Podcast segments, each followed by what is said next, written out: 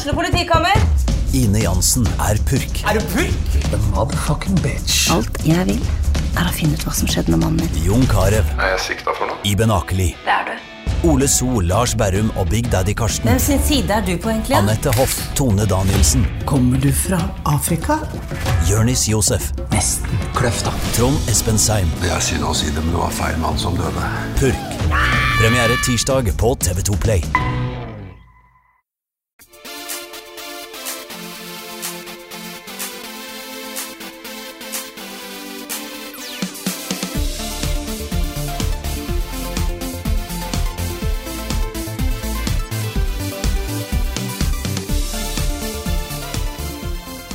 Hallo, alle sammen, og velkommen til en ny episode av podkasten Level Backup med meg, Frida Danmo, og som vanlig har jeg med meg Karl Martin Hogsnes og Rune Fjell Olsen. Hallo, folkens. Hei, hei. Hei, Frida. Hvordan går det? Trøtt. Har det blitt litt mye Destiny? Ja, det blir seine, seine kvelder på meg nå også. Det gjør det. Så eh, jeg, jeg trenger Jeg har skikkelig søvnunder, søvnunderskudd. Så jeg håper at eh, jeg klarer å holde meg våken nok gjennom hele denne podkasten her. Jeg tror det skal gå bra, altså. Så, men eh, ja, jeg er ganske trøtt. Ja. Jeg er litt forkjøla, så jeg er litt, sånn, litt lavt energinivå på meg òg, men jeg skal, jeg skal prøve å holde ut i, eh, i, en- i en periode, altså. Det går nok bra. Det var bra ut. Jeg, har, jeg var trøtt før i dag. Nå har jeg våkna. Jeg har i dag stått på lab og holdt på med dyre ting. Jeg innser at alt jeg holder på med på lab, er dyrt. Eh, og i dag har jeg satt nå trodde jeg du hadde jobba med dyr. Ja, nei. jeg har ikke jobbet med dyr. Det gjør jeg når jeg er på, på Stord. Da jobber med dyr, men ikke nå. Er, OK. ok. I dag har jeg putta rosa pulver til 4000 kroner inn i en ovn på 900 grader. La det stå til i morgen. Jepp. Kan jeg komme med et lite eksempel eh, på hvor trøtt jeg faktisk er? Ja, det syns jeg. For jeg har sitt- jeg har sittet mye på kontoret og spilt uh, den siste uka. Um, og det har blitt ganske sent, en, en lite søvn. Um, og en kveld jeg var der, så kom det eh, Det er en sånn balkong utenfor kontoret vårt eh, i Oslo. Det kommer en kråke og setter seg på rekkverket liksom, inn på, mot den balkongen. Det er ingen andre på kontoret, det er bare meg. Eh, stort, åpent landskap, og så er det den kråka ute og ikke noe annet. Tomt der også, men han har noe i munnen. Den kråka sitter der og ser på meg kjempelenge, og jeg ser på den, og vi ser på hverandre, og så slipper han det den har i nebbet. Så går jeg liksom bort til vinduet og myser, da, og så er det, det er vingen til en due. Som er liksom helt opptygd og sånt. Han har sittet og sett på meg, og så sluppet den vingen. Så først, da, eh, så var det sånn er, dette her liksom Er det sånn som indianerne hadde? Sånne visions? Sånne syner? Sånn et eller annet Prøver, det, prøver det å fortelle Er det universet som prøver å fortelle meg noe? Um, avkappede vinger, et eller annet, liksom. Uh, og så, når dagen etter, sånn Skjedde dette virkelig? Det, var det sant? Men den lå der fortsatt, så det var det, da. Men det var en sånn sær eh, litt sånn Nesten eh, hallus hallusinasjonsøyeblikk for meg, altså. Veldig Wow. rart. Wow. Mm. Litt sånn som The Raven av eh, Edgar Allan Poe. Står og stirrer på deg. Ja. Så blir du gæren. Ikke sant? Mm. Men den begynte ikke å snakke til deg. Nei, det gjorde den ikke. Nei. OK. Mm. Men det var, det var ganske Den så som badass, liksom. Den hadde slåss med en due, og så Mm. tatt med seg vingen til dua, liksom. Ja, altså I tillegg står han og ser på deg. Ja, Bare sånn check me out. Du- det virka som en gave, liksom. Altså, Kråker er jo veldig smarte. De driver jo og uh, henter ting og så samler ting, og de kan huske med forskjellige mennesker ansikts, ansikter og, og sånne ting. Det virka som han prøvde å kommunisere med meg på en eller annen måte. altså. Kråke Her har du en fascinerer meg. Her har du en Ikke sant? Ja, det var Ja. veldig fascinerende. Mm, kråker fascinerer meg fordi at de faktisk er såpass smarte. De blir jo sånn 40 år gamle, faktisk. Mm. Eh, så her tror jeg du har fått connection med kråka, Rune. Jeg tror Ja, du har fått deg en venn. Ja, kanskje det. K Kanskje den vil at jeg skal gi den en menneskearm? Ja, kanskje det. Ellers så kommer den med en ørnevinge neste gang. Ja, kanskje det. Ja. Jeg tror det er på tide at vi hopper i gang med å si hva vi har spilt i det siste, folkens. Gjør det! Ja. Har du spilt noe Destiny, Rune? Det har blitt eh, veldig mye Destiny. Nå snakka vi om det forrige gang også, men uh, rett over helgen så begynner jeg med anmeldelsen. Da har jeg spilt uh, Raidet, uh, Trials, of Osiris. Um, og jeg er veldig glad for at jeg får litt tid med det spillet her, også, fordi eh, den første, de første dagene er alt veldig sånn rosenrødt. Man får alt det man har lengta etter. Man får nytt innhold, nytt lut. Alt er nytt og bra, da. Um, og da blir man blir veldig gira i kroppen, liksom. Eh, jeg tror ikke jeg hadde klart å lage en fair anmeldelse av det spillet den første uka. Liksom. Så, så det er deilig å få litt ekstra tid med det. Men jeg koser meg veldig. Den, eh, det, med, det jeg liker aller best med Destiny 2 så langt, er at de har eliminert veldig mye av den tåpelige, meningsløse grinden. Det er ikke så eh, Det er fortsatt grinder, liksom, men på en mer underholdende, engasjerende måte. Det er ikke masse unødvendig grind. Du må ikke fly rundt på planeter og samle ressurser i tre timer for å oppgradere ett våpen, liksom. Det, mm, det er borte, da. Det er eh, veldig behagelig. Ja, det skjønner jeg veldig godt. Jeg tror de har gjort noe lurt der med å prøve å gjøre det litt mer Vel, ikke, bare gå rundt og grinde, for det, det blir kjedelig i lengden, da. Ja, det jeg tror, da, er at, øh, at øh, det spillet her har si 150-200 timer content som er fresh nesten hele tiden, liksom. Altså, som ikke oppleves som at det blir gammelt med en gang. Og så kan du slutte å spille, tror jeg, da. Helt, liksom. Fram til neste expansion. Jeg tror det er mer lagt opp på den måten. Uh, og så vil det alltid være noen idioter som aldri gir seg, liksom. Uh, som blir fanga av PVP-delen, eller uh, bare syns det er gøy å spille henge med folka, liksom. Henge med kompisene sine. men for folk flest, jeg tror det er det de har lagd nå, et sånn type spill. Hvor du forbruker alt innholdet, og så er det på en måte helt greit å bare legge det fra seg og så gå vente da på mer nytt innhold. Mm. Ja. Jeg føler det er et spill som har litt mer respekt for spillerens tid enn det mm. det første hadde. Ja, helt enig. Så det er, eh, det er godt å se. Det er sånn, Jeg har spilt mye, jeg òg, men jeg har ikke spilt det så mye, tror jeg. Men likevel så er jeg på en måte Nå er jeg raid-klar og, og sånn. Mm. Så det har ikke vært, det har ikke vært så tungt. Men er du på tre karakterer, Carl? Nei, det er jeg ikke. Jeg tror, jeg tror jeg skal klare meg bare én, altså. Jeg er litt sånn én character-mann, jeg. Mm. Men uh, Ja, nei, jeg vet ikke. Jeg føler liksom det er, ikke, det er ikke så tungt å komme seg opp på et uh, OK nivå i det spillet her. Det er ikke det, altså. Og det er jeg glad for. Og du har mange veier dit. Men neste uke så kommer jeg til å ha mer å snakke om, fordi um, uh, i dag, som podkasten kommer ut, så kommer jo et nytt Metroid-spill. Ja. Og jeg klarer faktisk å glede meg til det, selv om ja. jeg er uh, i Destiny 2-bobla. Så, så, det blir bra. Noe interessant der er at jeg uh, har nettopp sittet og sett på en måte outline på, eller mesteparten av Nintendo Directen, som var i går, eller i natt for oss. Og ser på ting og så bare sånn Ja, Metroid Samus Return. Så bare, ja, ja. Eh, 15. september. Jeg bare Shit, det er i morgen, da! Jeg hadde glemt at det kom ut. Jeg visste det kom liksom i høst en eller annen gang, men jeg hadde glemt at det faktisk kom ut i morgen, eller i dag, for de som hører på podkasten. Eh, så da er det kjekt, fordi at jeg har ikke hatt eh, Nå har jeg har jo personer som jeg holder på bare, som, som bare styrer i bakgrunnen, men det er litt kjekt for faktisk at jeg har et spill som jeg gleder meg til at kommer ut nå. Ja, Spesielt den der når du har glemt at det kom ut, og plutselig får det rett på deg. Den er egentlig en gøy følelse. Men det ble plutselig høst nå. altså Plutselig så eh, regner det i 90 grader vinkel og blåser og Det er kjipt. Nå er det jo pent i dag, da, men uh, det har vært noen ganske kjipe høstdager. Og da ble jeg minnet på nå er det faktisk høst. Mm. Og nå er det ikke lenge til alt, alle disse svære tingene kommer. Snart er det oktober, ikke sant? og da er det jo et lass av bra spill som kommer. Eller i hvert fall ja potensielt bra, da. Jeg vil ikke selge bjørnen før den er skutt, men uh,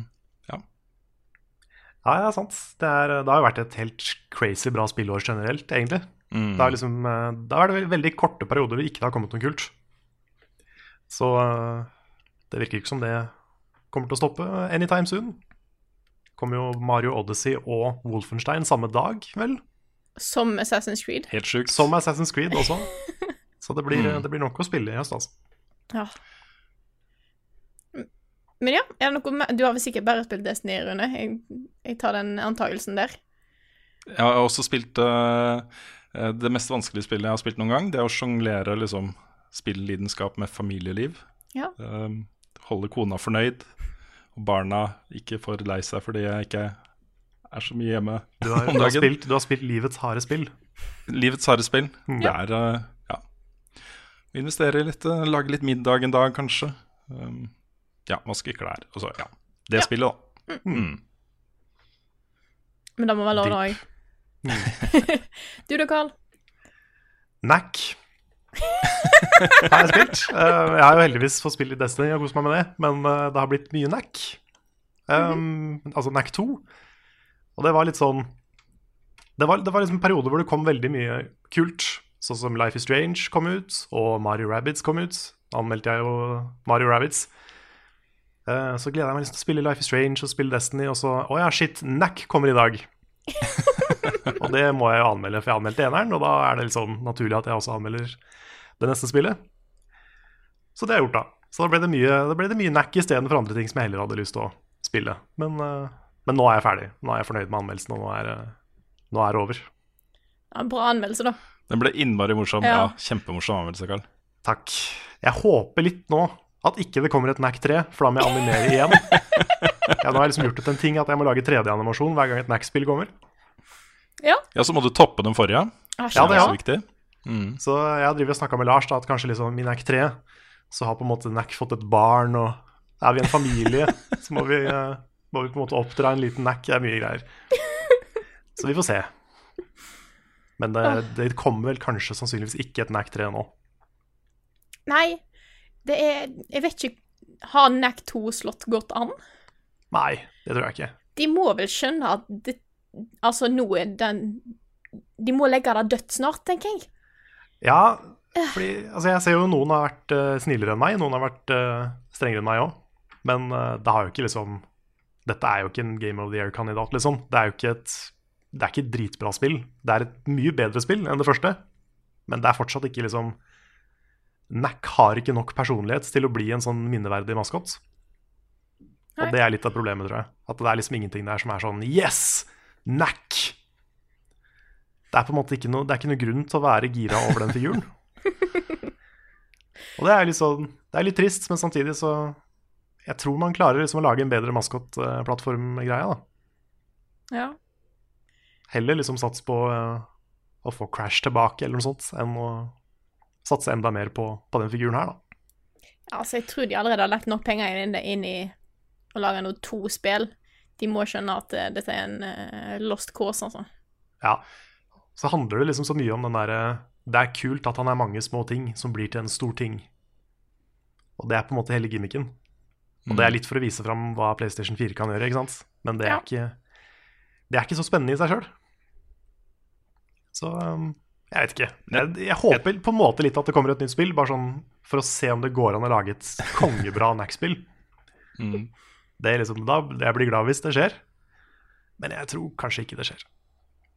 Jeg tror dette her handler mye om, om et forsøk å lage en maskot, jeg også. At det Mm. er det som er grunnen til at de pusha gjennom en uh, oppfølger. Selv om de må jo ha visst at det ikke var verdens smarteste eh, greier, liksom. Men hva om det plutselig slo an? da? Hva om alle hadde glemt NAC 1 og bare Øy, NAC, liksom. Mm. Og så hadde de plutselig en eh, kul maskot som, eh, som de kunne pushe ut ikke sant, i alle kanaler. Jeg tror nok det er grunnen, men uh, Mm. jeg kan liksom ikke forstå at ikke de At ikke de skjønte at det ikke kom til å skje, liksom. Jeg Nei, men det det virker som de har glemt at liksom greia med sånne 90-talls spillmaskotter spillmaskoter er jo at de har personlighet. Og det har ikke Nack. Han har ingenting. Og jeg blir så irritert, fordi han kunne vært en kul figur, liksom. Hvis han f.eks. hadde en annen stemme og sånn. Så det, det er sånn Hvorfor gjør de ham så kjedelig? Han har ingenting å si. Han har ingenting liksom, som kjennetegner han som type. Og Jeg syns det var utrolig, ja, Ja, utrolig morsomt ikke sant, at, uh, at uh, han fikk utrolig mye mer personlighet med en gang du la på stemmen til Max Mekker. Ja, for det var, altså, det var jo mest fordi jeg syntes det var gøy uh, sjøl. Ja men, men det var også et poeng i det, da. Fordi liksom Det går an å gjøre en figur spennende med ganske små grep. Men de har liksom Mm. ikke gjort det engang. De har bare gitt den stemmen til en dude som ikke har noen ting å si. Han er ikke morsom, han er ikke spennende, han er ikke dyp. Han er liksom ingenting. Og da er det jo ikke noe å knytte seg til, føler jeg. Da har du er- ingenting å lage en maskot rundt. Nei, det er noe med det. Så, så ja. Ja. Det, er, eh, det, det har vært min uke. Du har jo endelig fått prøvd um, Life is Strange Before the Storm. Ja, det har jeg også gjort. Vi streama det første, første halvdelen, cirka. Ja, ish. Ja, i, i går. Og det var veldig Det ble jeg veldig imponert over. Jeg har liksom tenkt lenge at dette er et sånt spill som kanskje ikke er helt nødvendig, for det er to hovedpersoner som vi allerede vet åssen det går med, og jeg vet ikke om jeg, om jeg trenger det spillet her, liksom. Men det var kjempebra. Jeg ble liksom eh, Du, du fikk se liksom et helt annet perspektiv på Life is Strange-historien, da. Når du ser liksom hva som skjer med Chloé når Max har blitt borte, reist til Seattle, uh, hun som blir igjen der aleine med en uh, drittfyr av en ny stepappa. Det er liksom Det er veldig relaterbart, da. Og veldig sånn tungt. Men det, det gir noe til den historien. Jeg merker at jeg blir liksom mer irritert over Max, Ja. egentlig, enn det jeg var i, i det første spillet. Ja, Og er skjønner litt mer hvor det kommer fra. Da. Ja, for du, akkurat i første spillet sånn, så spiller du som Max, og det er vanskelig kanskje å sette seg inn i helt hvordan det føltes for de andre. Så det er litt kjekt å se hvordan uh, faktisk Chloé opplevde dette her. Mm. Mm. Og så er det å liksom miste kontakten med venner, det er jo noe man Noe veldig mange kan kjenne seg igjen i. Og det viser de på en veldig kul måte. Og uh, i det hele tatt Nei, jeg synes det, var, det var veldig bra manus i det. Kanskje enda bedre manus enn i, enn i Life is Strange, faktisk. Mm. Og så satt vi jo med chatten og tok valg litt sånn sammen. Og det var veldig koselig. Ja. Kult. Og, og veldig gøy, fordi det var nesten 50-50 på alle spørsmål. Helt umulig. Det var liksom ingen eh, Vi spurte chatten skal vi gjøre da eller da, og så var det bare sånn halvparten sa da, og halvparten sa da, og vi fikk jo ingen hjelp. Nei, og til og med når det var liksom tre forskjellige valg, så var det 33% på hver. Det var, Så de er, de er naila, de Hadde dere også Altså. alternativ om at dere kunne ringe pappa eller uh, en venn? Nei, liksom? jeg har ikke, jeg har ikke ringt pappa ennå. Nei. Ikke ennå. Kanskje jeg skal gjøre det på stream en gang. Bare, jeg kan ringe mamma og bare Du, mamma, nå har jeg et valg her i et spill. Hva er best? Skal jeg si til mammaen min at uh, jeg skjønner at du prøver, eller skal jeg være ærlig om mine egne følelser? Så det er litt sånne ting, da. Kanskje vi gjør det på neste stream? Kanskje jeg skal, kanskje jeg skal gjøre det. Bare Du, mamma, nå er du live foran noen hundre mennesker. Mamma kommer til å få panikk. Det er litt slemt. Du trenger ikke å se at du er live. Nei. Nei. Nei, Mamma kommer til å lure så veldig på det, det, hadde, det tror jeg, jeg tror det hadde blitt litt kleint, men eh, Nei, vi får se. Det tror jeg faktisk er forbudt. Å ikke fortelle folk at de blir recorda eller eh, Ja, det er kanskje ja. går live eller Det stemmer, jeg da. har, jeg har en følelse av det. Jeg vet ikke, altså. Men Mm. uh, Det kan faktisk være. Ja, jeg, det kan være sikkert tusen 1000 mennesker som korrigerer oss på det. Men uh, Kanskje. Ja, Men eh, nei, det var vel snakk om at vi kanskje skulle ta og streame resten av det òg? Hvis ikke du har Ja. eh, ja. Jeg tenkte vi, eh, vi kan jo finne en dag, og så bare ta resten av spillet på en bonus-stream. Ingenting galt med det. Så det, det kommer nok i løpet av jeg vet ikke, enten kanskje i helga, kanskje etter helga. Få se. Høres bra ut. Yes. Da fortsetter jeg med hva jeg har spilt i det siste. Og jeg har spilt, spilt Persona. Til Jeg fortsetter, jeg bare kjører på, jeg. Eh, men så jeg trenger ikke snakke så mye om det, siden jeg spiller det er det jeg spiller sånn alltid. Men jeg har spilt noe nytt. På en måte. Det er ikke helt nytt. Eh, men det har fått en ny utvidelse, og det er Mystic Messenger. Ja, folkens, jeg er tilbake igjen på Mystic Messenger mobilspill eh, eh. Yeah. Det er Jeg Jeg er så hekta. Jeg klarer ikke liksom Jeg klarer ikke alltid forklare hvorfor jeg syns det er bra. Men det er Kan, bare kan, vi, kan vi si litt om hva Mystic Messenger er? Ja. Mystic Messenger er en, en mobil et mobilspill der du skal snakke, snakke med eh, og på en måte date eh, Sjekke anime boys. Og det foregår på en måte i real time, eh, sånn at du får opp sånne chatrooms innimellom på visse tidspunkt.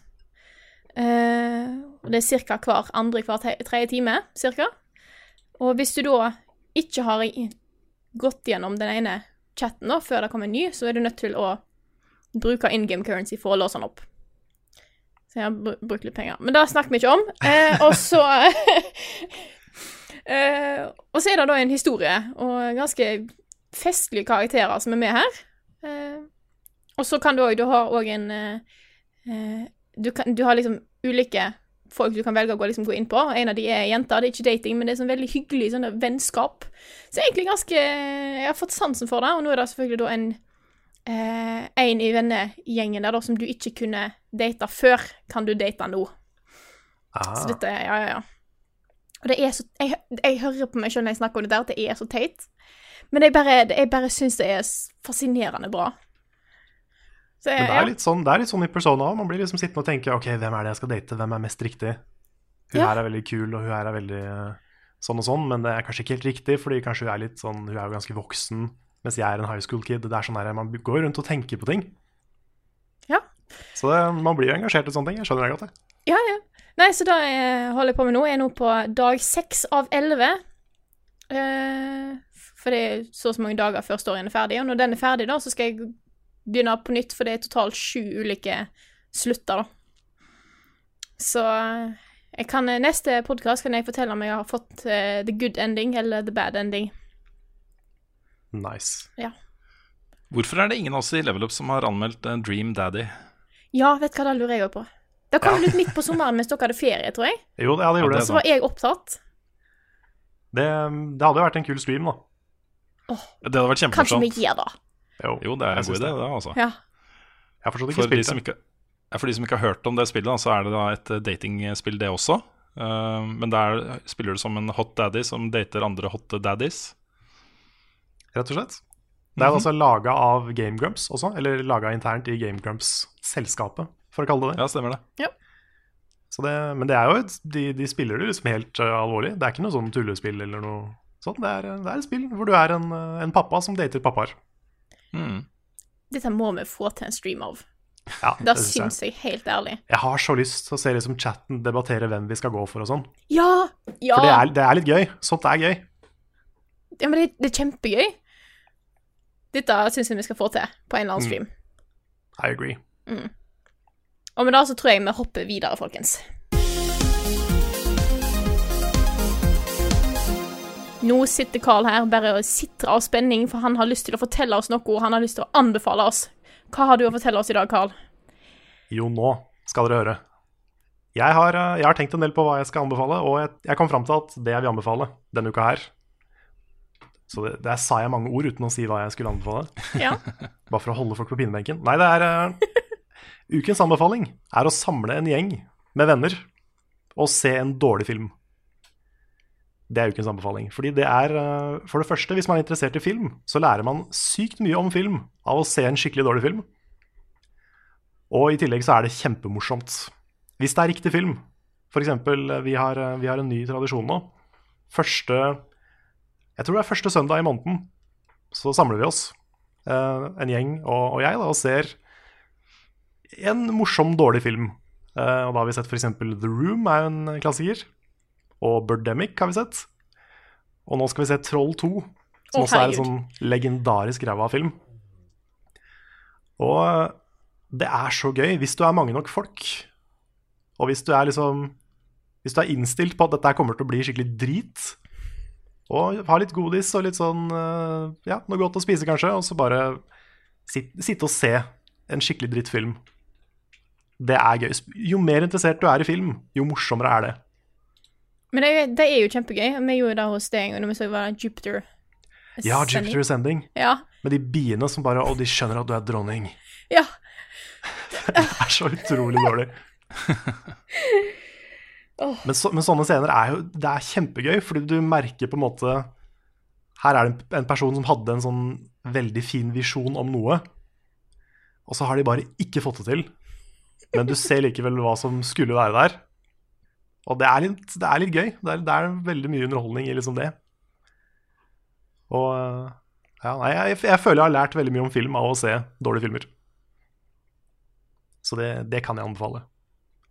Men det er, også, det er ikke noe gøy å gjøre det aleine. Du, du må ha en gjeng der. Se på det sammen med flest mulig venner som også er into liksom dårlige filmer. Da, da er det gøy.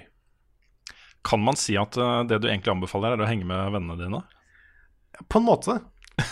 men det er, det er litt sånn humor at liksom hvis du, Ja, er jeg sammen med masse, hvis du er sammen med masse folk, så kan man le høyt. Men hvis, du, Mm. ikke, hvis du sitter alene, så bare puster du tungt med nesa. Det er litt rart at det er sånn, men Mm. mennesker er sånn. Så eh, nei, se, se en dårlig film sammen. Det er min anbefaling. Nå sitter Rune, vår kjære nyhetsanker, klar med de fresjeste av eh, nyheter. Hva har du å fortelle oss i dag? Nei, det blir det blir jo um, mye Nintendo i dag. Eh, mye Switch. Det har vært en eh, Nintendo Direct. Det er jo så ferskt som det kan få blitt når man lager en ukent, ukentlig podkast. Um, hvor det kom masse nyheter. Jeg har, jeg har liksom ikke registrert alle nyhetene som kom, uh, men det er en del ting som jeg syns var veldig kult. Uh, for å være litt sånn subjektiv, da. uh, så det jeg syns var kulest, var at både Doom og Wolfenstein 2 skal nå komme til Switch. Ja, det, Det er er sånn- en, en tillitserklæring fra Bethesda. Det er ganske viktig, altså. Ja. Mm. Det er egentlig ganske kult, syns jeg, at de velger å ta så store spill på Switch. Det viser at spillselskapene har trua på Switch som en konsoll for alle. Ja, dette her handler jo om på en måte hvem, hvem er det som spiller Switch? Altså hvem er den laget for? Og hvis eh, de, også de forrige konsollene til Nintendo har mangla denne typen spill eh, Nå kan det jo hende at det tanker, at det ikke det selger bra, liksom, fordi publikummet på Switch ikke har lyst på de spillene. Men jeg tror eh, de vil lykkes mye bedre nå med, med å ha den type sortiment på konsollen sin enn de kanskje gjorde før. Hvor uh, veldig mange kjøpte en uh, Wii, første Wii, som et familiepartyspill-greie, liksom. Uh, og det å på en måte gi ut grafisk underlegne actionspill i store serier som er populære på andre konsoller, var sånn dødfødt. Nå er det på en måte mer legitimt og mer grunnlag for å gjøre det, føler jeg. da, for jeg tror det er veldig mange eh, litt eldre spillere, eh, litt mer sånn som oss, kanskje, jeg vet ikke, som har kjøpt en Switch, og som er glad i Switch, og som spiller massevis av spill. Og jeg tror også Zelda har vært en, en døråpner for det, for det er et ganske hardcore spill. Som jeg tror har truffet både mange som har tatt et steg videre i sin gamerkarriere, eh, og eh, fått veldig mange som kanskje ikke ville kjøpt en Nintendo-konsoll, til å kjøpe en Nintendo-konsoll. Så jeg syns det er spennende. Og så, så er den jo portabel, så det er jo en veldig, veldig grei måte å spille Wolferstein på hvis du, skal, hvis du er mye ute og reiser, f.eks. Helt sant? Det er det. Uh, Xenoblade Chronicles 2 har fått en uh, endelig uh, releasedato. Det er 1. desember. Midt i det verste oppkjøret av prosjektet mitt og alt. Elsker det. Ja, men dette er et spill du bare kan frese gjennom på en kveld, ikke sant? Ja, ja, ja, det er jo det som er fordelen med dette spillet her, da. Nei, jeg kan si på forhånd at denne anmeldelsen kommer til å ta tid. Ikke bare er det langt, men det er, det er rett før jeg skal levere inn mitt store semesterprosjekt. Som er Ja. Mm. Ja, Men jeg håper, håper, håper folk har forståelse for at JRPGs det, det tar litt tid. Jeg tror det hadde tatt tid uansett om jeg hadde hatt det prosjektet eller ikke. Men eh, Så det Jeg skjønner på en måte at Jeg visste at det skulle komme da. Jeg hadde håpet det skulle komme på en måte etter jeg var ferdig med alt liksom skolegreier. Men eh, jeg skjønner at de vil ha det såpass tidlig, for da får de både De får det ut såpass tidlig at folk kan få kjøpt det til, til jul og litt sånne ting. Det er midt i akkurat den eh, utgivelsestida der. Mm. Og så har jeg en nyhet som uh, uh, det, det her syns jeg er litt morsomt. Uh, hvis det hadde vært noen andre enn Nintendo som hadde kommet med disse nyhetene her, så hadde det bare vært sånn Hva er det dere holder på med, egentlig? Eh, men det handler jo da om uh, f.eks. Uh, muligheten til å ta skjermbilder fra spillene du spiller, som jo er standard på måte på de andre plattformene. Eh, men nå kan du da gjøre det, og så kan du sende det til mobiltelefonen din. Eh, det ble demonstrert med Super Mario Odyssey. Eh, det er en sånn screenshot-funksjon, rett og slett. Som jeg tenkte å, så kult! Men så bare Ja, men selvfølgelig skulle jo det være mulig å ta skjermbilder av spillene du spiller, på en måte. Uh, her har du mulighet til å editere det litt, da, og gjøre litt kule ting med det. Men Ja, eh, det er jo det som er litt kult, da, for Switch har jo en egen sånn screen capture-knapp. Du bare trykker på den, så tar du skjermbildet. Uh, men her er det jo da at du faktisk kan rotere kameraet og litt sånne ting, da. Mm. Ja, Det er kult også. Jeg prøver ikke å disse Nintendo nå, men, eh, men det var også linka til en annen nyhet. Fordi de, de gjør så disse online-tingene, alt blir jo styrt av denne appen på telefonen. ikke sant? Skal du chatte med folk, så må du gjøre via den appen osv. Men da har det kommet med nyheten om at nå skal du snart kunne ha andre apper åpne samtidig som du er inne i dette programmet og chatte med folk. Ja, selvfølgelig skal du ha muligheten til det. Hvis du tvinger folk til å bruke mobiltelefonen til å chatte, så må du i hvert fall gi dem muligheten til å sjekke Twitter eller et eller annet mens de holder på, liksom. Ja, folk Det litt forbanna jo- på det der, altså. Sånn seriøst. Det er litt sånn som da iPhone annonserte at nå kan du bytte ringetone igjen. Ja. Det er sånn, ja, det er, burde jo vært der fra starten, men ok, takk. Ikke sant? Mm. Den siste Nintendo-nyheten som jeg har notert fra siste døgnet, er at eh, de skal gjenoppta produksjonen av NES Classic. Classic. Stemmer. Så den kommer da neste sommer, tror jeg det kommer nye ladninger med den. Så hvis du har eh, kjøpt eh, en Nest Classic på Finn for 5000 kroner, så sitter du der med skjegget i postkassa. Den vil da komme til vanlig, utsalg, vanlig utsalgspris neste år. Men de sa jo òg da at eh, de anbefaler folk å ikke kjøpe SNES-en så veldig Mm. dyrt, for den, skal kunne produ den skal vi bli produsert over lang, lengre tid enn òg. Mm. Mm. Det er fint å se de snur på dette her. Ja. Ja, det er det. Men hvor stort opplag kommer det til å bli? ja, det er ting. Ja, ikke sant. Hvis eh, folk opplever at vi snakker litt over hverandre akkurat nå, så er det fordi jeg har litt dårlig connection, så det hender at jeg ikke hører eh, Carl eh, snakke. Så nå registrerte jeg at du sa noe, eh, men det var da etter at jeg hadde sagt de tingene jeg, jeg sa, Carl. Riktig. Ja, men det er, eh, det er greit. Kan jeg, kan jeg legge til en nyhet til? Ja. Ja. Fordi de annonserte også et nytt spill til 3DS. Det var ikke så mange nye spill. Eh, Det var egentlig bare mer informasjon om spill vi visste om fra før. Men et nytt spill var Mario Party. Eh, Topp 100 eller noe sånt, var det ikke det? Mm. Og så Altså, det er et spill som jeg har hatt lyst på siden jeg var liten, egentlig. Siden jeg spilte Mario Party 1, 2, 3 og 4 og 5, tror jeg. De, etter det har jeg ikke spilt så mye. For det er liksom et perfekt Det er et logisk spill å gi ut et Mario Party-spill med alle de beste minigamesa. Og så gir de det ut på 3DS. Ja, Hvorfor det? Det, er jo, det har aldri vært noe kult, i hvert fall for meg, da, å spille Mario Party på en håndholdt konsoll. Det har vært et partyspill i stua. Og da må vi, nå må du liksom ha fire 3DS-er for å kunne spille Mario Party. Og det er jo et dritkult Mario Party-spill. Jeg, jeg vil spille det, liksom. Men 3DS er feil plattform, syns jeg. altså. jeg syns det er et rart valg. Nintendo gir en del sære ting innimellom. Det gjør det. Det er et perfekt Switch-spill. Ja. Hvorfor kan de ikke bare lage det? Jeg blir litt sånn eh. det er, dette, hadde jeg liksom, dette hadde jeg lyst på, og så gjør de det feil. De har nok noen Switch-planer også, tror du ikke det? Jo, det kommer sikkert på Switch. Kanskje de bare skal selge Mm. det på 3DS først. Kanskje det. Yes, jeg går litt videre, hvis ikke noen uh, har noen flere Nintendo-nyheter. Det er veldig mye som bevis på den directen her, men jeg tror vi har fått med oss det viktigste. Bra. Fordi det har skjedd flere viktige ting. eh, og eh, en av de tingene som jeg har vært mest spent på, eh, er jo det nye spillet til That Game Company, som står bak Journey. Um, det ble jo teasa tidligere i år som et uh, samarbeids-kosespill uh, for deg og vennene dine. på en måte Og nå er det offisielt avduka. Det skjedde på Apples pressekonferanse. Det er et IOS-spill som heter Sky. Det er ikke så mye som er kjent av det, men har dere fått sett den traileren? Ja, jeg så den i stad. Nei. Jeg ble så glad inni meg av den. Den er Eh, Du ser da søt. sånne litt sånn Journey-lignende Sier du noe nå, Carl? Jeg sa bare den er veldig søt. Ja, ikke sant? Um, men du ser da ikke sant, først én sånn Journey-lignende figur som kommer med kappa si og går et, et sånn skylandskap. eh, og så kommer de inn en til og en til og en til, og så hopper de bare ut i skyene, og så flyr de av gårde. Og det er det som heter spillet Sky. Um, men jeg ble veldig overraska over at det var et, eh, et eksklusivt IOS-spill. Eh, det gjør meg egentlig litt sånn Det er et tegn i tiden, føler jeg da. Sa du eksklusivt til, til IOS? Ja. Det er i hvert fall det som er eh, kjent til nå. Det er mulig at det er tidseksklusivt, men Ja, det tror jeg det er. At det kommer bare til, det kommer til Apple devices først. mm. Ja, da får jeg jammen håpe, for nå sitter jeg her og er litt sånn der oppgitt. Og litt sånn der eh, ting, ting som ikke podkastlytterne kan se. Eh, det er min oppgitthet nå over at ting kommer eksklusivt til IOS. Det bør jammen komme på Android etter hvert, altså. Det syns jeg. Jeg håper det kommer på PC og konsoll og alt mulig. Ja. egentlig. Det, jeg føler jo det er beste stedet å spille et sånt type spill.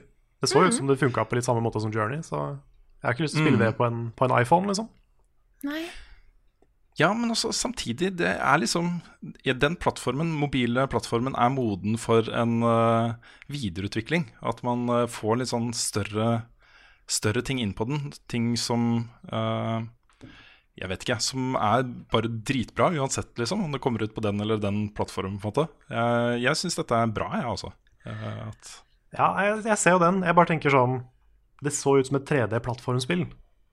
Og det Mm. har jeg veldig dårlig erfaring med på touch, mm. på en måte. Så jeg, da, da håper jeg de har løst det på en bra måte, i det minste. Ja, vi får se. Uh, det eneste som er kjent om innholdet i spillet, er at uh, det er for inntil eh, åtte spillere fra hvor som helst i verden. Uh, som kan dele samme spillverden. Utforske sånne øyer som flyter opp i himmelen og sånt. Ja. Det er det. Ja. Det så veldig pent ut, i hvert fall. Det gjorde det. Den siste nyheten jeg har eh, notert meg for denne uken, er at eh, Okami HD er bekreft, bekreftet eh, til eh, PS4, Xbox One og PC den 12. desember. Dette er Jeg er seriøst, viktig, seriøst klar for uh, nytt Okami. Altså, nei, eller ikke nytt, men at det kommer i full HD. For det er så vakkert, da. Mm. Og da får det noe i full HD, det ser jeg så fram til. Det har jeg ikke fått spilt. Kanskje det er en bra anledning. Det er jo noe jeg Det er et spill jeg faktisk Jeg har masse opptak av det liggende på en harddisk. At jeg begynte på det for et år siden eh, i en plan om å lage et klassikerinnslag. Så jeg tror at litt sånn over nyttår, eller rundt der en gang, så kan det være det kommer et Åkami-klassikerinnslag fra meg Mm. i full fancy HD-farger. Hvis ikke noen andre som tar og anmelder det. Du kan godt ta den, Frida. Da, da tar jeg den. Det var det jeg hadde. Ja. Ja. Da går vi videre.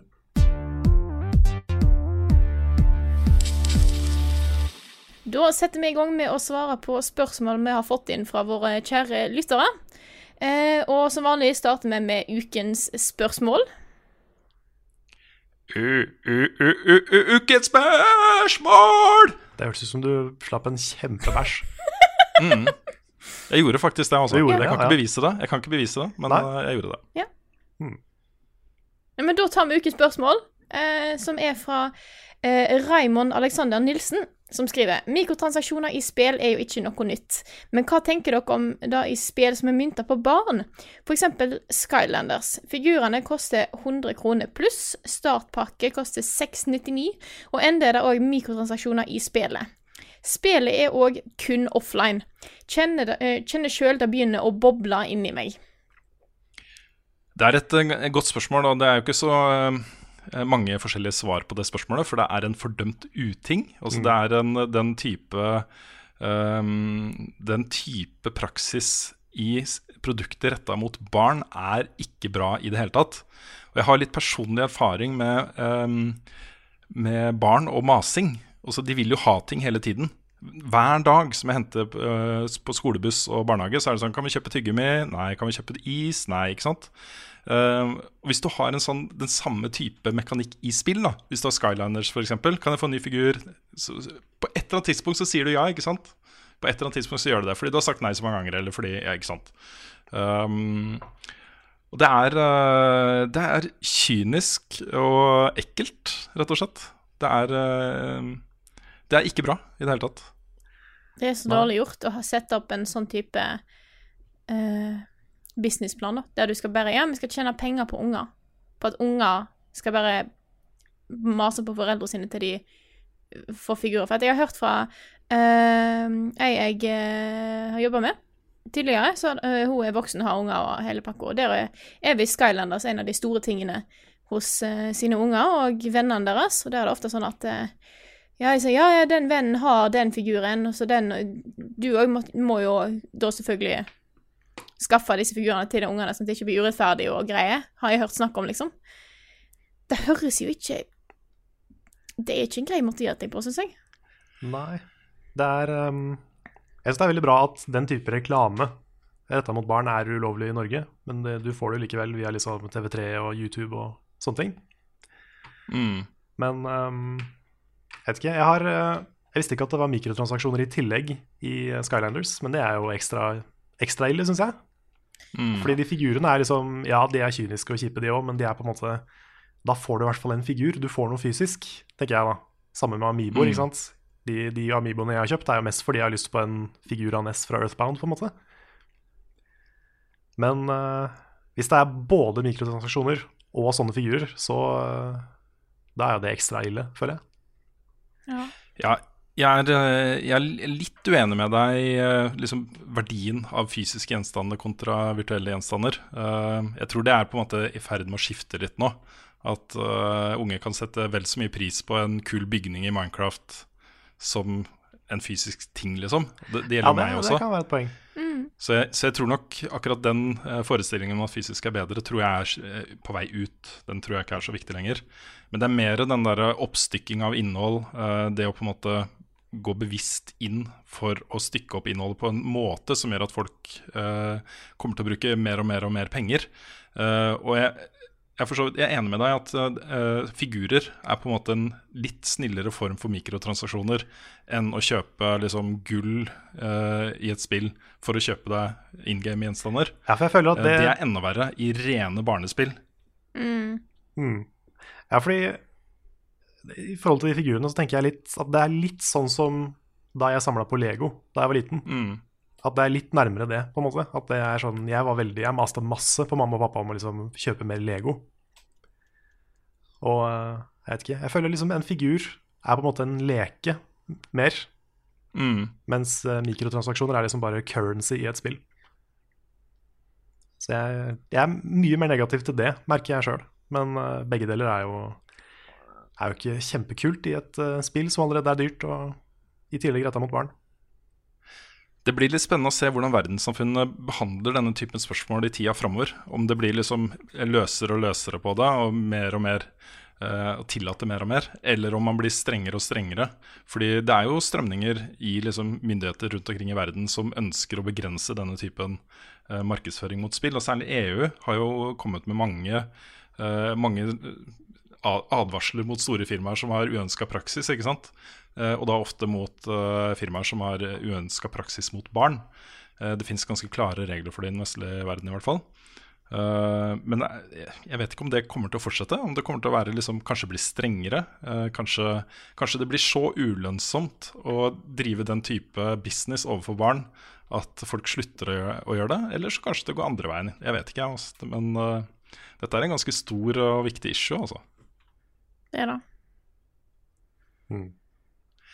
For min egen del så vet jeg i hvert fall at det å holde tritt med dette her kommer til å bli ganske vanskelig. Ehm, jeg sitter jo med 50% av Eller vil si, jeg sitter egentlig med 0% av familiens lommebok. Den er det kona som eh, styrer. Men eh, jeg er jo delaktig, i hvert fall. Jeg har muligheten til å påvirke det litt. Jeg har kortet, eh, som har tilgang til vår felles bankkonto. Så mm, ja. ehm, men dette er jo noe jeg kommer til å måtte ta stilling til. Hva er det man skal og ikke skal kjøpe til ungene sine? Det er, en, eh, det er vanskelig. Kjempevanskelig. Skal Se, vi Ja. Skal vi si at vi, ingen av oss syns at det er noe bra? Og bare eh, ta det som siste setning? Ja. Ja. Ja. Overraskende nok. Overraskende nok, ja. Men da tror jeg vi tar og hopper videre til neste spørsmål, eh, som er fra Niklas Krabbsetsve. Og da var Jeg tror jeg klarte å uttale det. Krabbsetsve. Ja.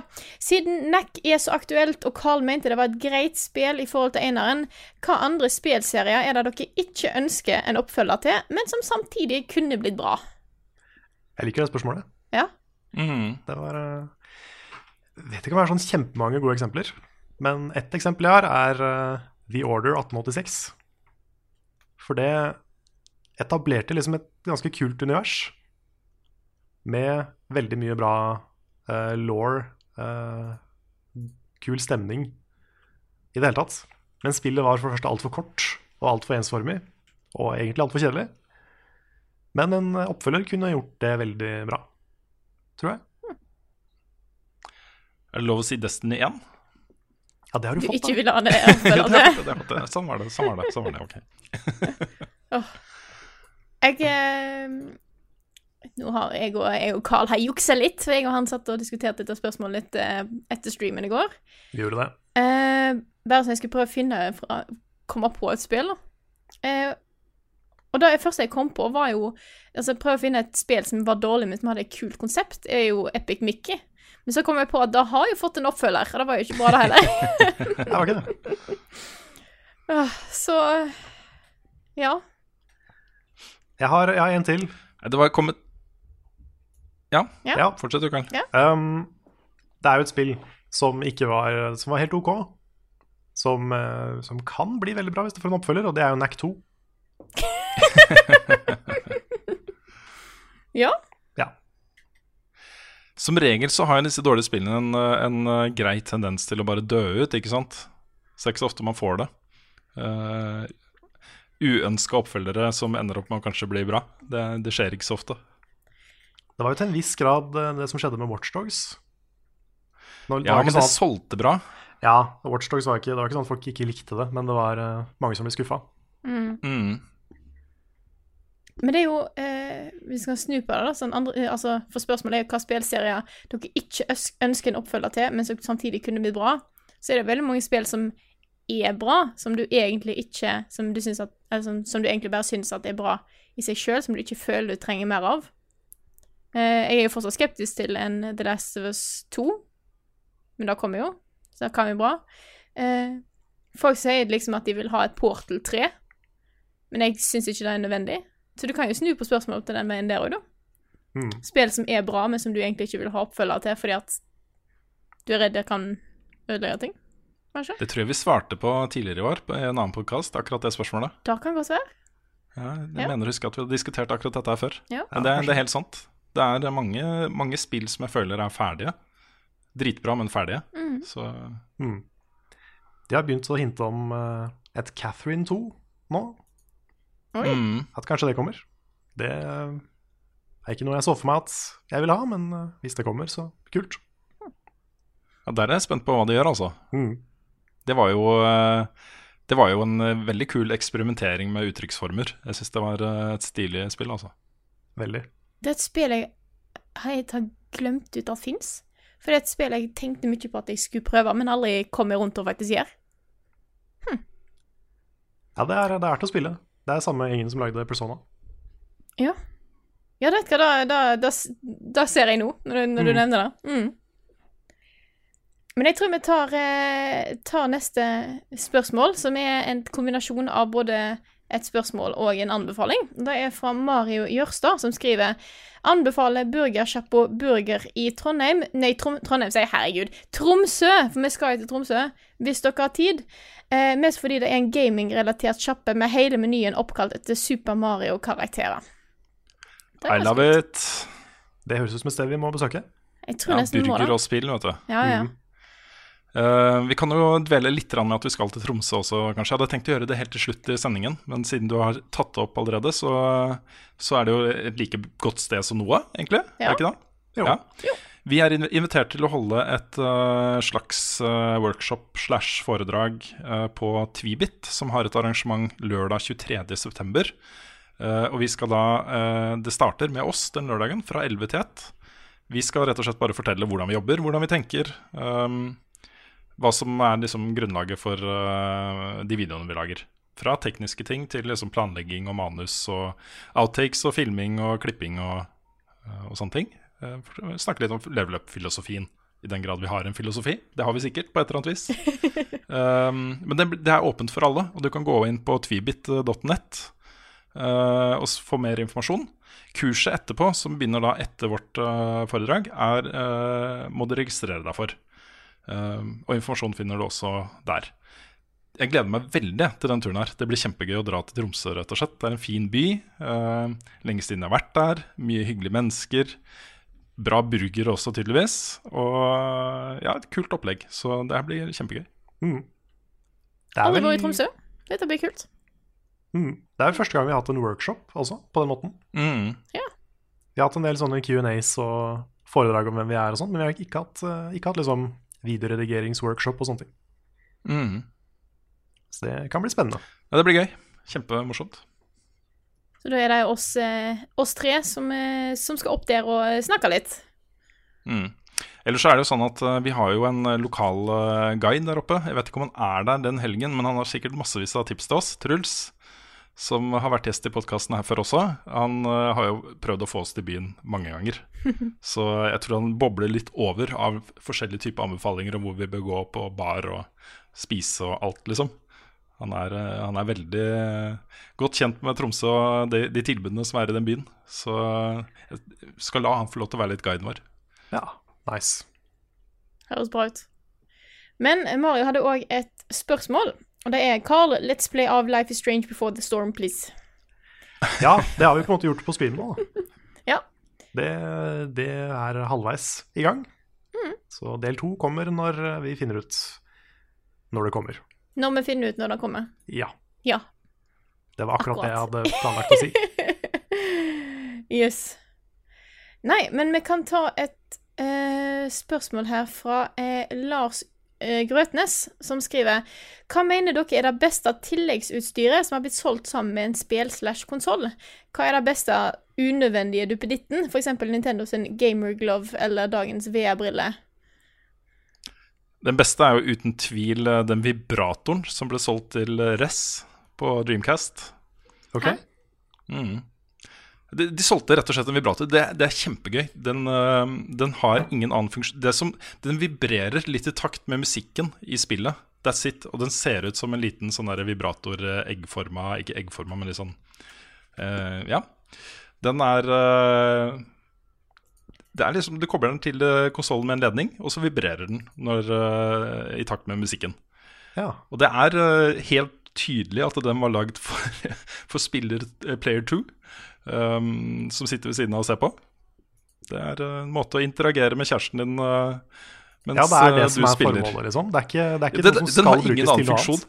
Hva annet skal man bruke det til, da? Nei, det er det jeg lurte på. Liksom, det er ikke sånn at du skal liksom Ja, nei, It was supposed Jeg har googlet det, skjønner du. It was supposed to enhance the sound effects by vibrating to the beat of the music.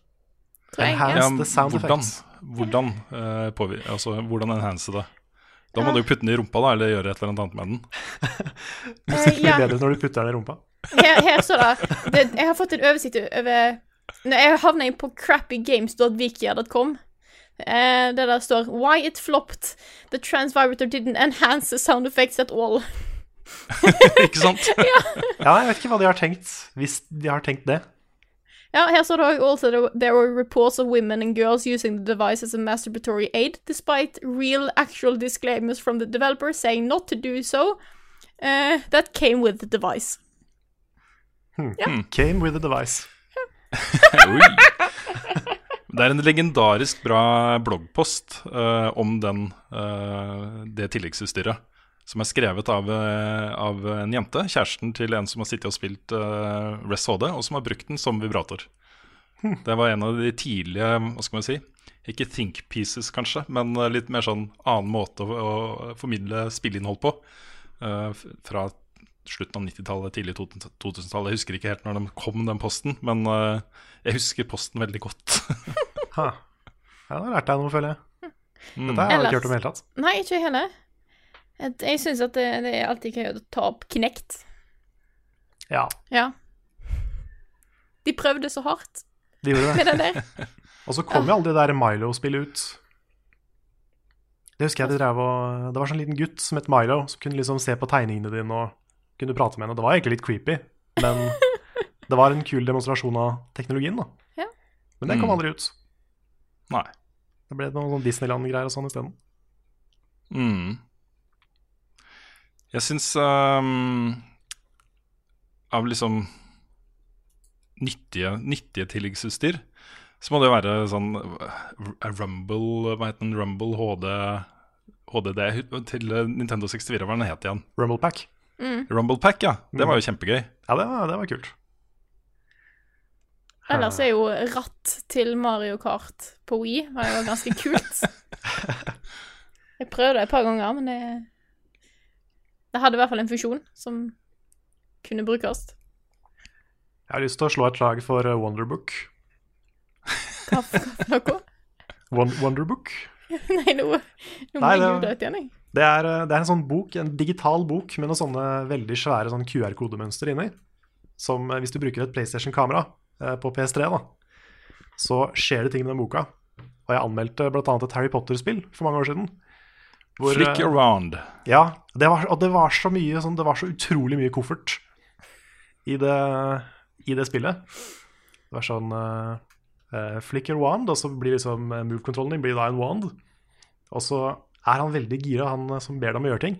Så det er sånn That's it. Keep flicking your wand. Yes, you've definitely got the hang of it. Og liksom Det blir liksom bare verre og verre. Jeg husker det når du sier det. Jeg husker Ja, Wonderbook var, det var gøy. Kanskje på litt feil måte, men gøy. Den desidert feteste tilleggsutstyret til spill ever må jo være den herre MEC-greiene. Hva heter MEC-spillet igjen som kom på Xbox? Første Xbox.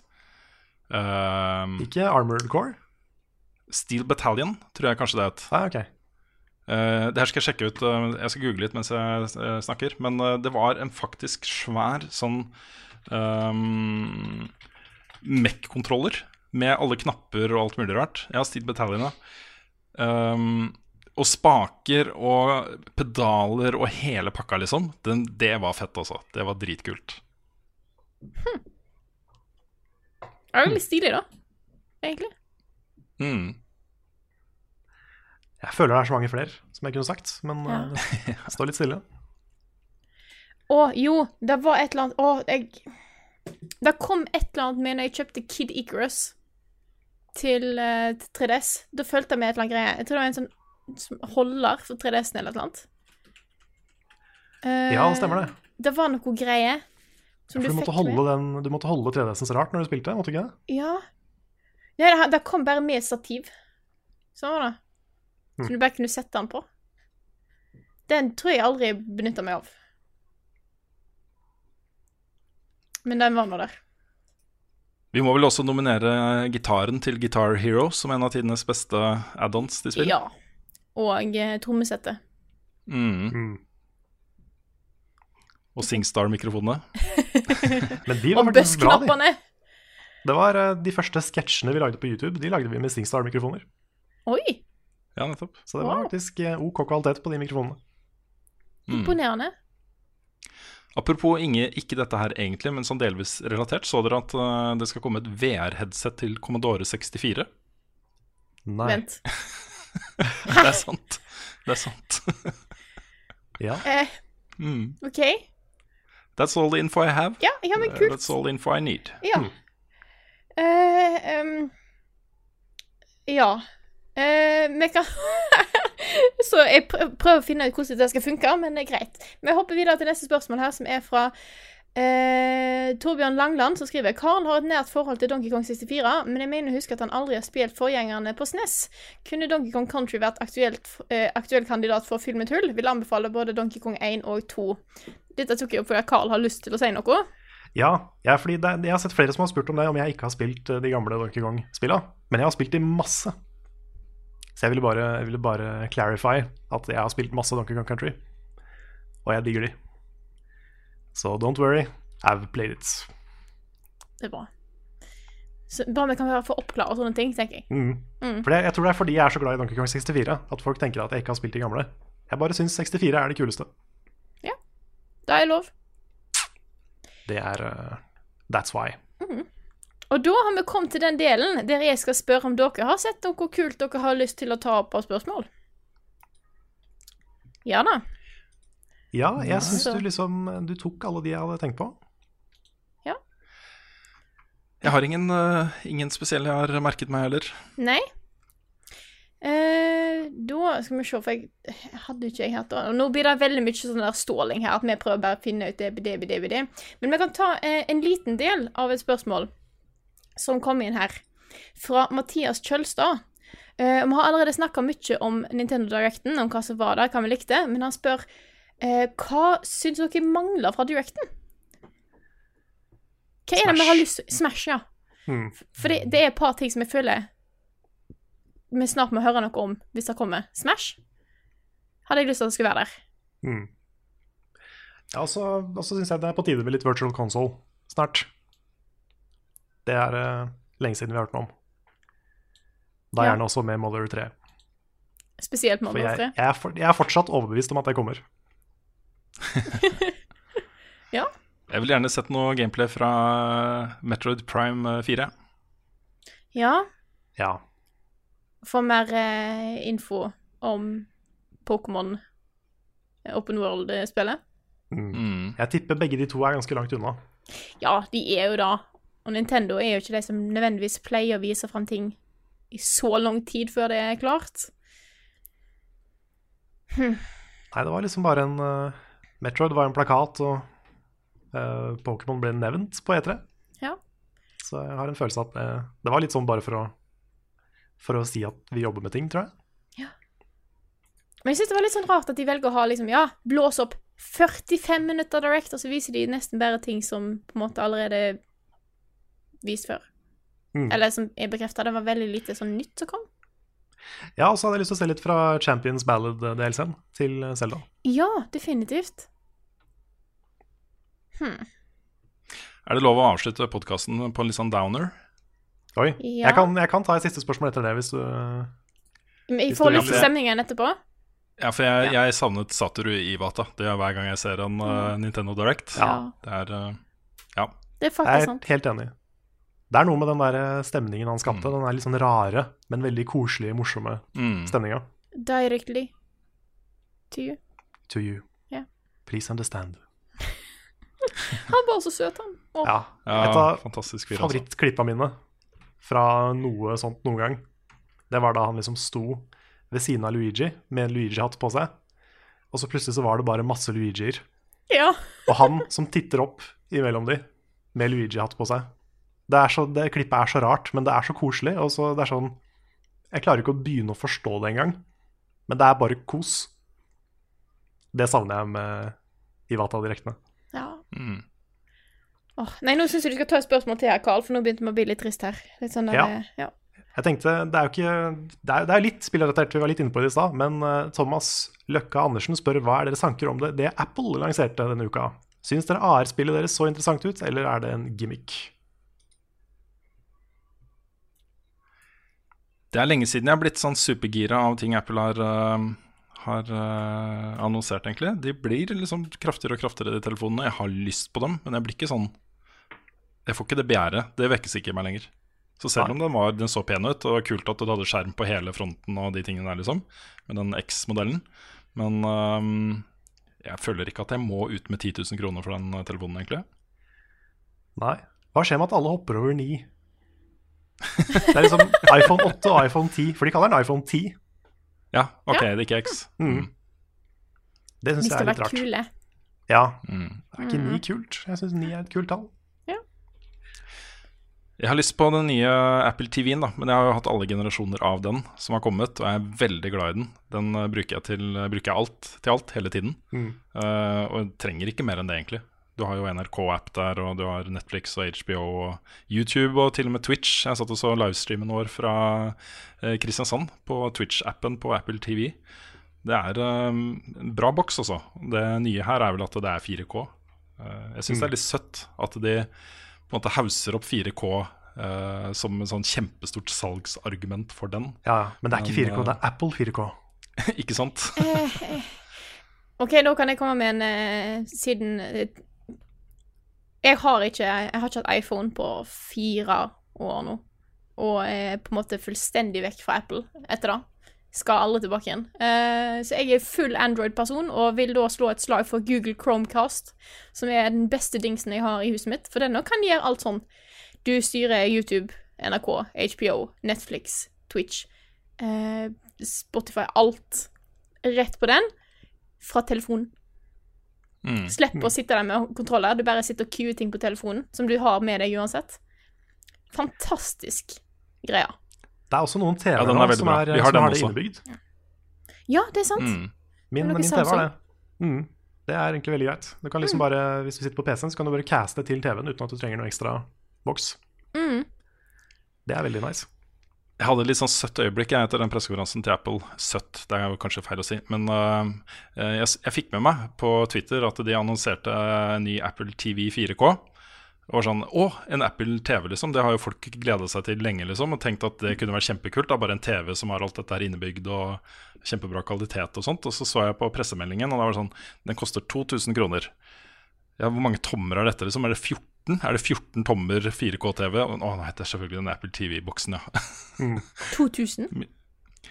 Ja, den uh, Apple TV-boksen skal koste 2067, tror jeg det var uh, veiledende eller anbefalt utsalgspris i Norge. Wow. Wow. Ja, ja. Mm. Det jo var mer enn jeg trodde. det er, det er veldig morsomt generelt, ikke bare på Apple, men generelt å følge Twitter mens pressekonferanser går. For det er så veldig mange som sitter og liksom live-tweeter, og det er kjempemorsomt. Mm. Og det store temaet her var jo eh, den derre du kan låse opp telefonen med ansiktet ditt-funksjonen. og liksom, jeg, jeg syns det er veldig gøy å liksom lese hva folk Hva slags problemer folk klarer å skape. da.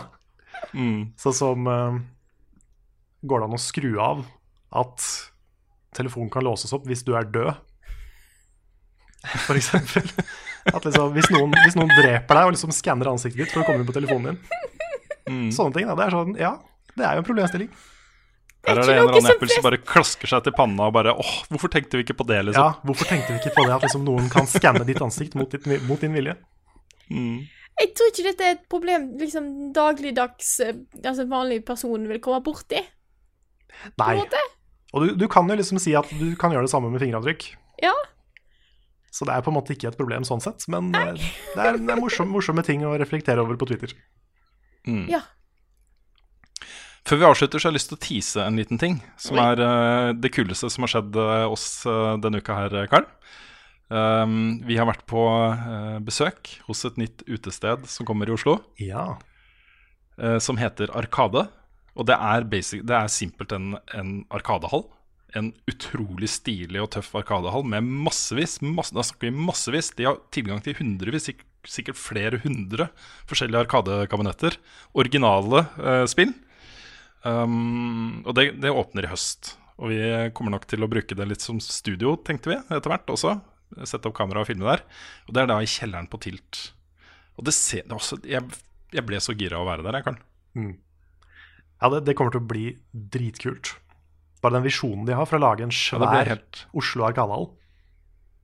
mm, Og så er det kult at det er i kjelleren på Tilt. Mm. For du har det på en måte et etablerte miljøet rundt der, da. Som er der. Ja, det her kommer til å bli bra, altså. Dette kommer til å bli et sted folk valfarter eh, til. Det føler jeg meg ganske sikker på. Så Hvalfarters. eh, valfarter. Ja, det, det er et ord. det også, Ja, det er eh, ordforrådet ditt, altså. Jeg blir imponert. Leser bøker, vet du. Ja. Men hva, hva er, er det forskjell på valfarte og storme til? Valfart er vel Valfart. lenger, føler jeg. Kanskje. Ja, ok, så det er liksom du, du reiser langt.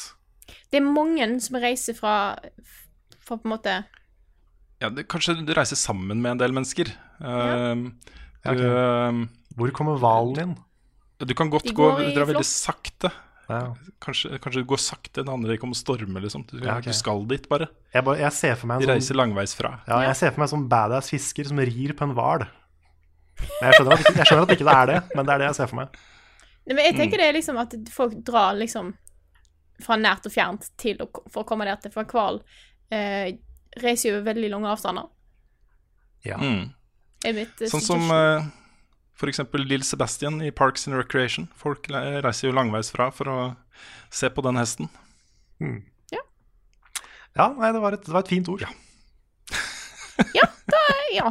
Og skal vi med valfarting, skal vi da si at vi eh, sier at denne episoden her eh, nærmer seg slutten? Det kan vi gjøre. Ja. Ja. Så da vil jeg selvfølgelig takke alle som støtter oss på Patron. Eh, dere er fantastiske folk som vi ikke kunne klart oss uten. Eh, så thank you. Dere er bra folk. Eh, og vanligvis pleier dere å si et eller annet om at eh, ja, dere syns de er bra folk, men der så dere ingenting, så da ble det en sånn klein stillhet. Så da bare kjører jeg på eh, og takker for oss. Det er bra folk. Ja. Og takk Grunnen til, grunnen til at det ble stille fra meg, var at jeg trodde du fortsatt snakka. For det, det har vært sånn hele den podkasten her at det plutselig så har det dere sier, bare stoppa opp for meg. Jeg hører ingenting. Og så må jeg gjette litt når dere er ferdige med å snakke, Ja. før jeg kan begynne å snakke igjen. Så jeg, jeg trodde du fortsatte å snakke. Jeg fikk ikke med meg at du venta på noe der. Nei, Du må litt mer, vanligvis, du må få litt mer valfart på internettet ditt, Rune. Der hørte bare Men eh, That was my point. kan jeg få legge til at jeg er Snakker du nå, Karl? Nei da.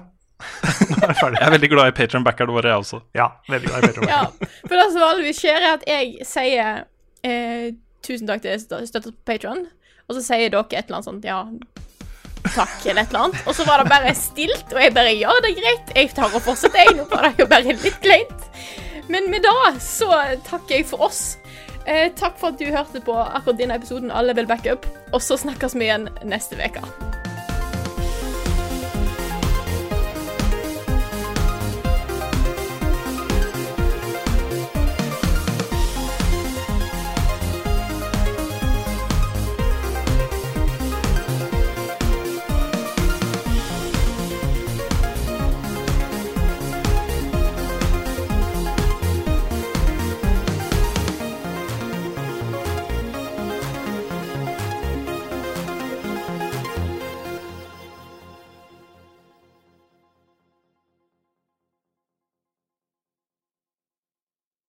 Har du et enkeltpersonforetak eller en liten bedrift?